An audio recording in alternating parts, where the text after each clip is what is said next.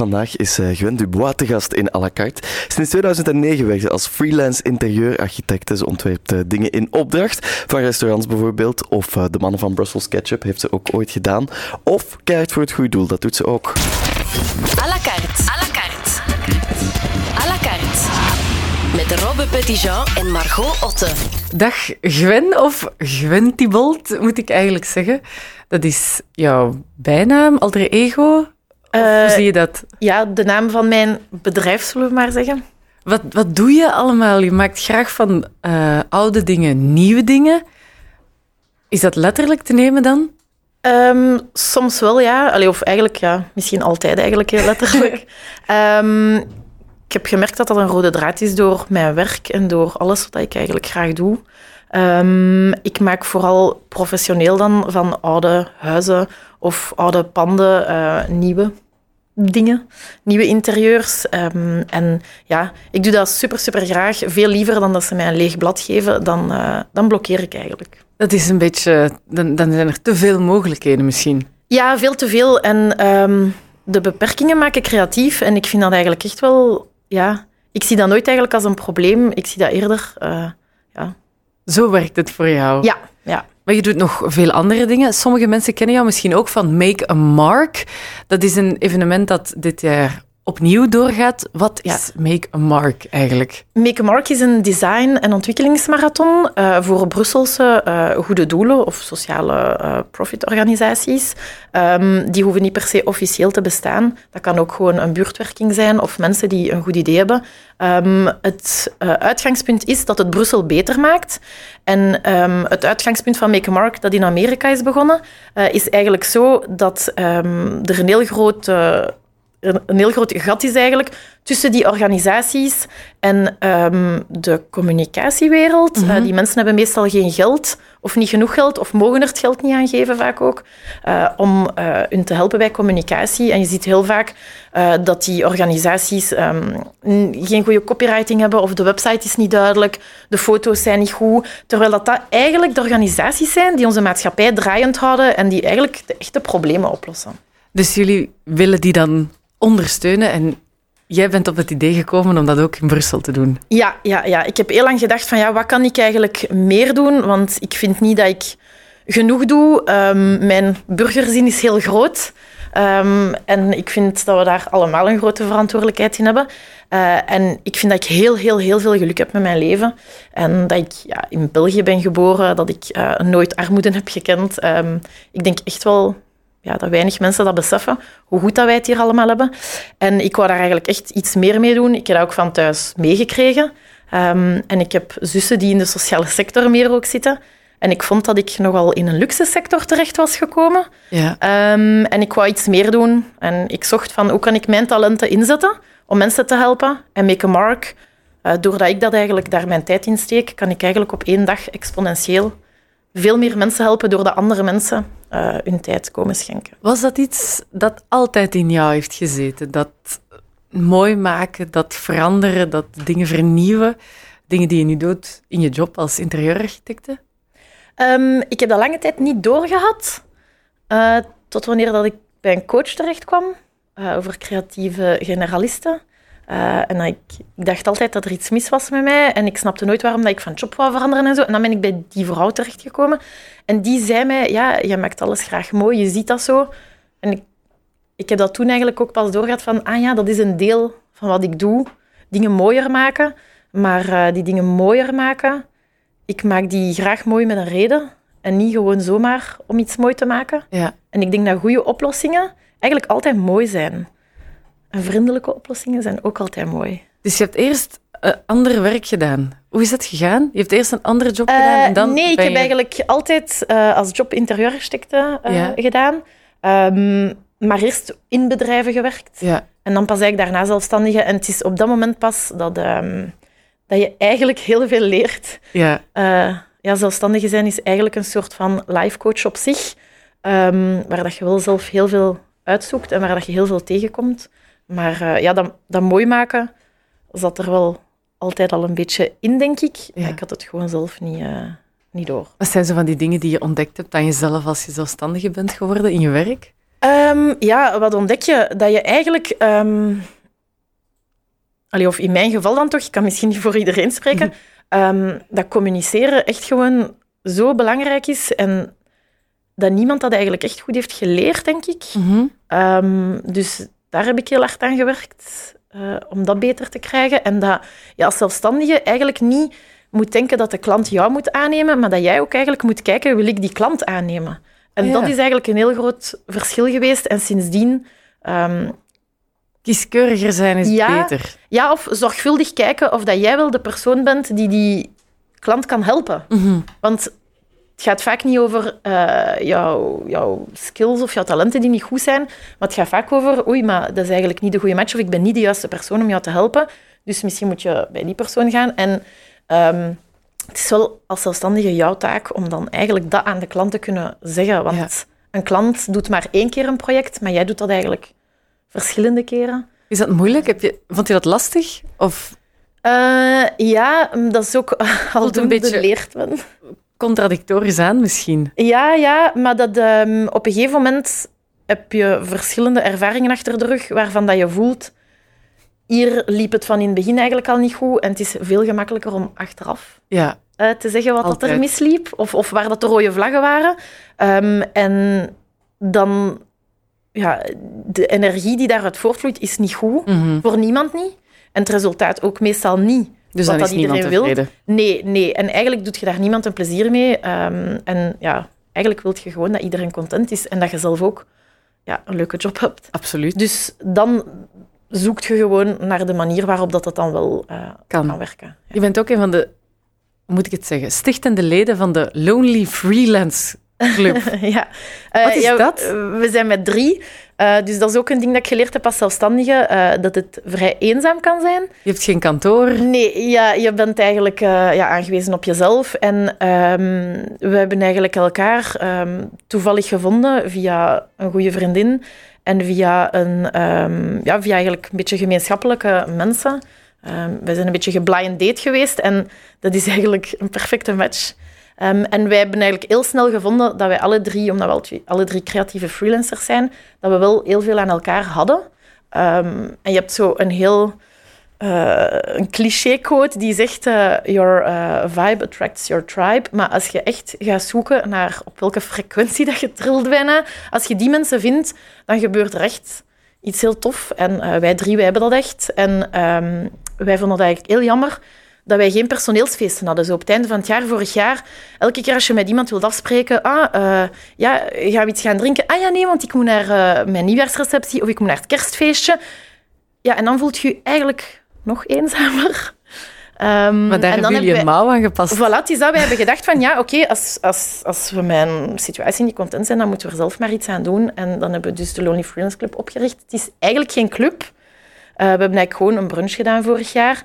En we hebben elk heel veel mensen uitgenodigd waarvan dat we dachten, ah, ik wil dat je die leert kennen, want met Instagram, dat is heel tof, maar dat is niet echt te leven. Ja. En wij vonden echt van, ja, als je die zou leren kennen... We hebben ook mensen uitgenodigd die we niet kenden, maar die we volgden en dachten, die zien er tof uit. En zijn er al dingen uitgekomen? Eh, ja, ja, eigenlijk van vorig jaar zijn er mensen die eigenlijk elkaar hebben leren kennen eh, en die dan eh, samen zijn beginnen werken of die elkaar ja, voor een job bellen. Dus vriendschappen, ehm, ja, nieuwe mensen waarop dat je kunt terugvallen als freelancer. Dus dat is eigenlijk echt wel ja, super tof. Veel succes mensen samengebracht. Klinkt ook, het klinkt ook goed, vind ik, de Lonely Freelance Club. Het, is, Het zijn twee dingen die ik ben. Eenzaam en freelancer. Oh, lieve Robbe, gelukkig zijn wij er vandaag voor jou. à la carte. Ja? Nee. Gwen, Ja, geef je graag interviews? ja, Je hebt waarschijnlijk een ehm, oog dat altijd werkt en dat altijd ziet van dit kan mooier of dit moet zo of kan dat doen. Kan je dat soms afzetten? nee. Is dat lastig? Ja, Kan je makkelijk boos worden van verspilling? ja, Ben je ordelijk?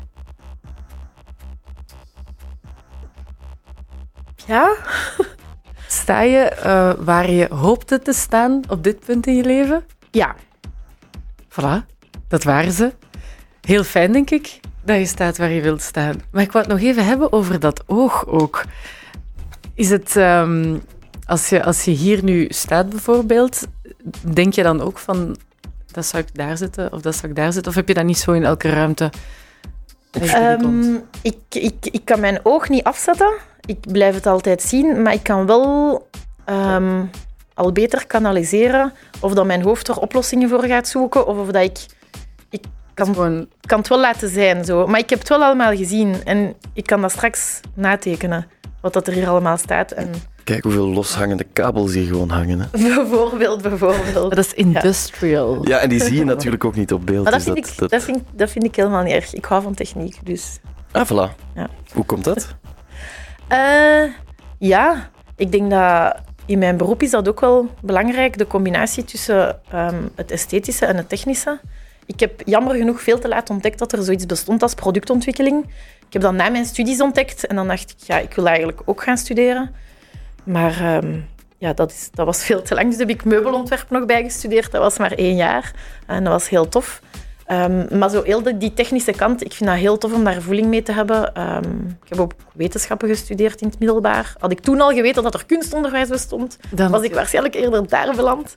En ben je Ehm. dan zo iemand die op YouTube de hele tijd filmpjes kan bekijken van, ik zeg maar iets, doe het zelf met Roger en zo, van die, van die how-to eh, filmpjes? Ehm, doe het zelf met Roger, heb ik vroeger ooit, ooit gekeken, denk ik. Maar eerder van, dit is speciaal, denk ik. Ja. Ehm, maar ik moet wel zeggen dat het wel fijn is om... eh, ik wil altijd wel weten hoe iets gemaakt is. Of ik heb dat vroeger heel vaak gehad, merk ik, allez, merk ik nu. Met mijn eigen dochter zie ik dat ook. Die vraagt dan, ja, maar hoe, hoe werkt een auto? Of hoe zit dat dan in elkaar? En dan denk ik, ah ja, ik zie direct dat haar hoofd ook alles wilt weten, hoe dat alles in elkaar zit. Dat is wel een, een geluk als je dat terugziet, denk ik. Dus die kleine dingetjes waarvan je denkt, tja, dat heeft ze toch wel meegekregen. Ja, maar ze heeft ook dan een ingewikkelder hoofd meegekregen, denk ik soms. En dan denk ik, ha, dat is misschien geen cadeau, Mm. maar ik heb er ook al mee leren omgaan, dus misschien kan ik haar daar ook een beetje in helpen al. Zijn er dingen die je absoluut wil doorgeven? Dat je zegt, dat is echt een, een waarde die ik heel belangrijk vind. Eh, andere mensen helpen, dat vind ik essentieel. En ehm, vooral beseffen dat, dat, dat ze heel veel geluk heeft. Ehm, dat zeggen wij ook echt letterlijk. Ehm, van de, dat we echt heel veel geluk hebben. En dat je niet kan kijken naar iemand anders om te vergelijken, want zo ga je nooit gelukkig worden. Dat zijn goede dingen. Ik vind dat heel mooi gezegd. Ik, eh, ik ga je nog wat meer zeggen, Gwen. Eh, mocht je willen weten hoe het hier werkt, als ik op deze knop duw, dan stoppen we even met babbelen en luisteren naar muziek. En dan gaan we daarna terug praten. à la carte. Brussel Wat ook heel belangrijk is voor freelancers these days, is natuurlijk social media.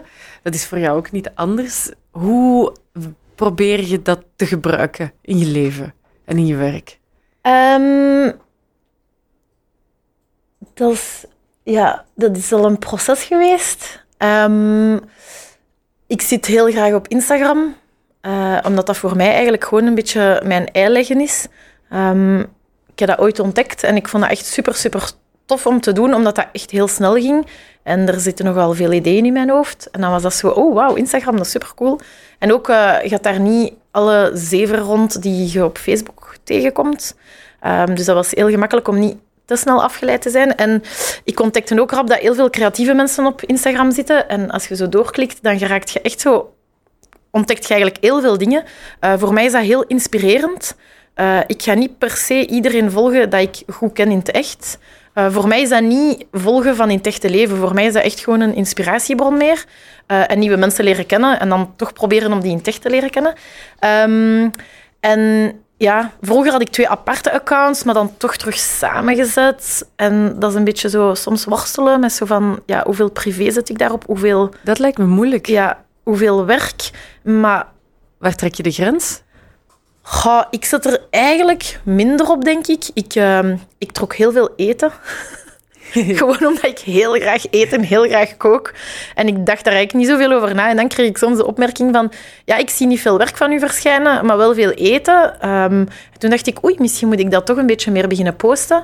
Ben ik dat beginnen doen en ook wel gemerkt dat dat echt wel een bron van... ehm, ja, niet echt inkomsten kan zijn, maar zo... Er komen wel klanten tot bij mij via social media. Ehm, ik heb ook gemerkt dat dat via Facebook veel minder is geworden. Ehm, ik heb er ook eigenlijk een beetje een haat-liefde verhouding mee nu met Instagram, omdat Instagram overgekocht is geweest door Facebook. En ehm, ik ben nogal gevoelig aan alles wat ethisch is. En eigenlijk is dat niet echt ethisch dat ik nog een Instagram-account heb, omdat ik niet vind dat Facebook ethisch is. En ik heb dat ook uh, afgesloten, mijn Facebook-account. Ik zit daar helemaal niet meer op. Ik vind dat ook helemaal niet erg. Ik mis niks, denk ik. Je bent wel heel, ehm, hoe zeg je dat? To the point. Als je iets niet goed vindt, dan zeg je nee. Uh, je kan dat tegen kan gemakkelijk zeggen. beslissen en Je kan dat tegen techbedrijven zeggen, maar bij Instagram is het dan nog... Bij Instagram is het echt nog een dubbeltje nu. Dus ik weet nog niet hoe dat ik dat ga aanpakken. Um, ja, ik heb een, een een bijbel dat ik eigenlijk volg voor mijn uh, freelance leven um, van Mike Montero. Design is a job. En ik, ik, geef dat aan iedereen door, want dat is echt een uh, supergoed klein boekje dat je kunt downloaden.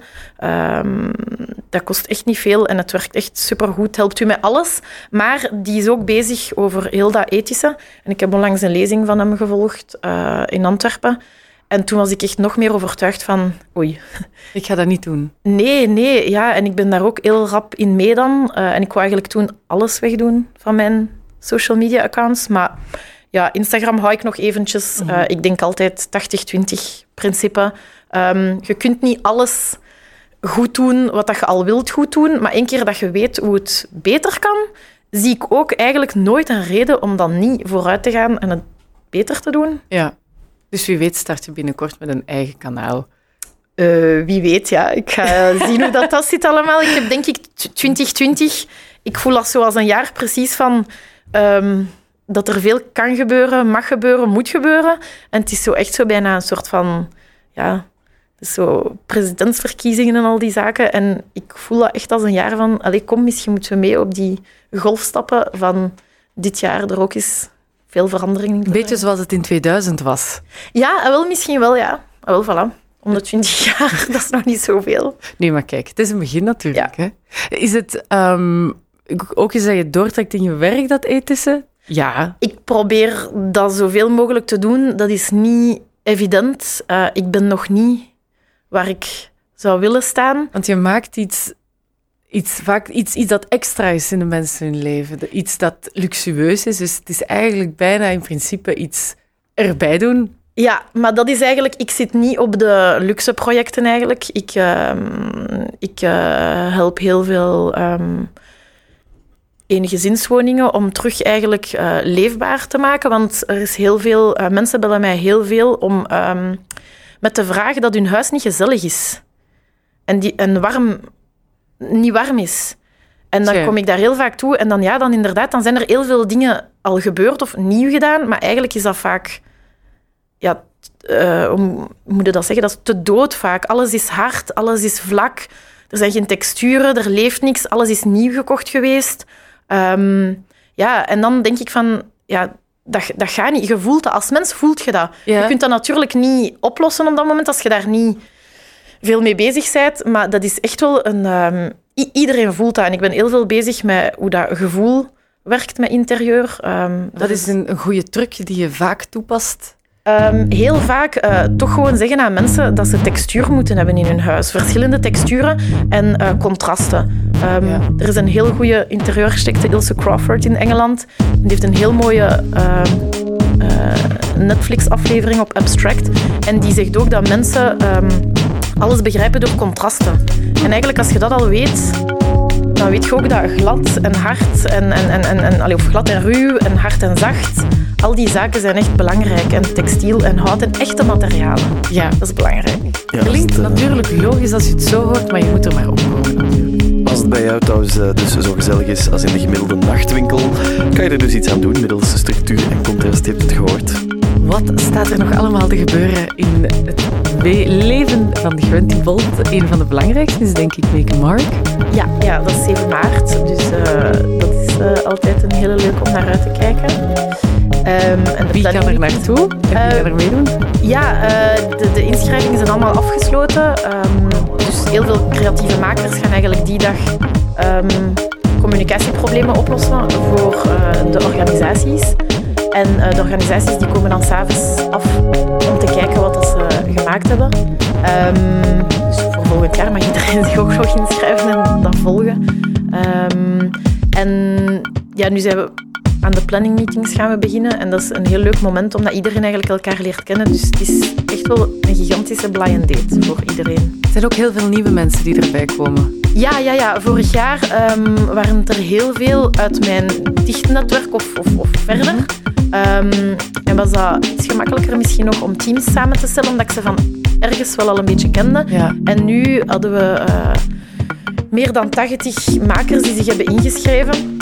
Maar we houden het op 14 organisaties, omdat we dat vorig jaar hebben gezien dat dat toch echt wel een maximum is. Ja. Ehm, en dus ja, die teams moeten we dan samenstellen, maar dat is superleuk, want je mocht dan gaan grasduinen in die portfolio's en je ziet dan heel veel toffe dingen en je leert heel veel eh, toffe nieuwe mensen kennen. Het is eigenlijk een win-win situatie. Win-win-win, denk ik dan nog. Ja. En dan kunnen we, wanneer in maart is het, dus dan zullen we eigenlijk niet veel later van heel veel eh, sociale organisaties of goede doelen van Brussel en omstreken schone nieuwe websites, logo's en foto's en ga zo maar doorzien. Gwen, ik vond het heel fijn dat je er was vandaag. Ik kijk al uit naar het resultaat. En ik wens je nog een hele Dankjewel. Het is op 7 maart in het uh, Muntpunt en het Beurscafé, als ik uh, me Ja, niet vergis. Beurscafé s'avonds, dus daar is iedereen welkom. Ja, maar wel dan gaan we daar naartoe. 7 maart dus, Muntpunt en Beurscafé Milky Mark Brussels. Je kan alles terugvinden op uh, letsmilkymark.org trouwens. .org, dat is altijd tof om eens te zeggen. .org.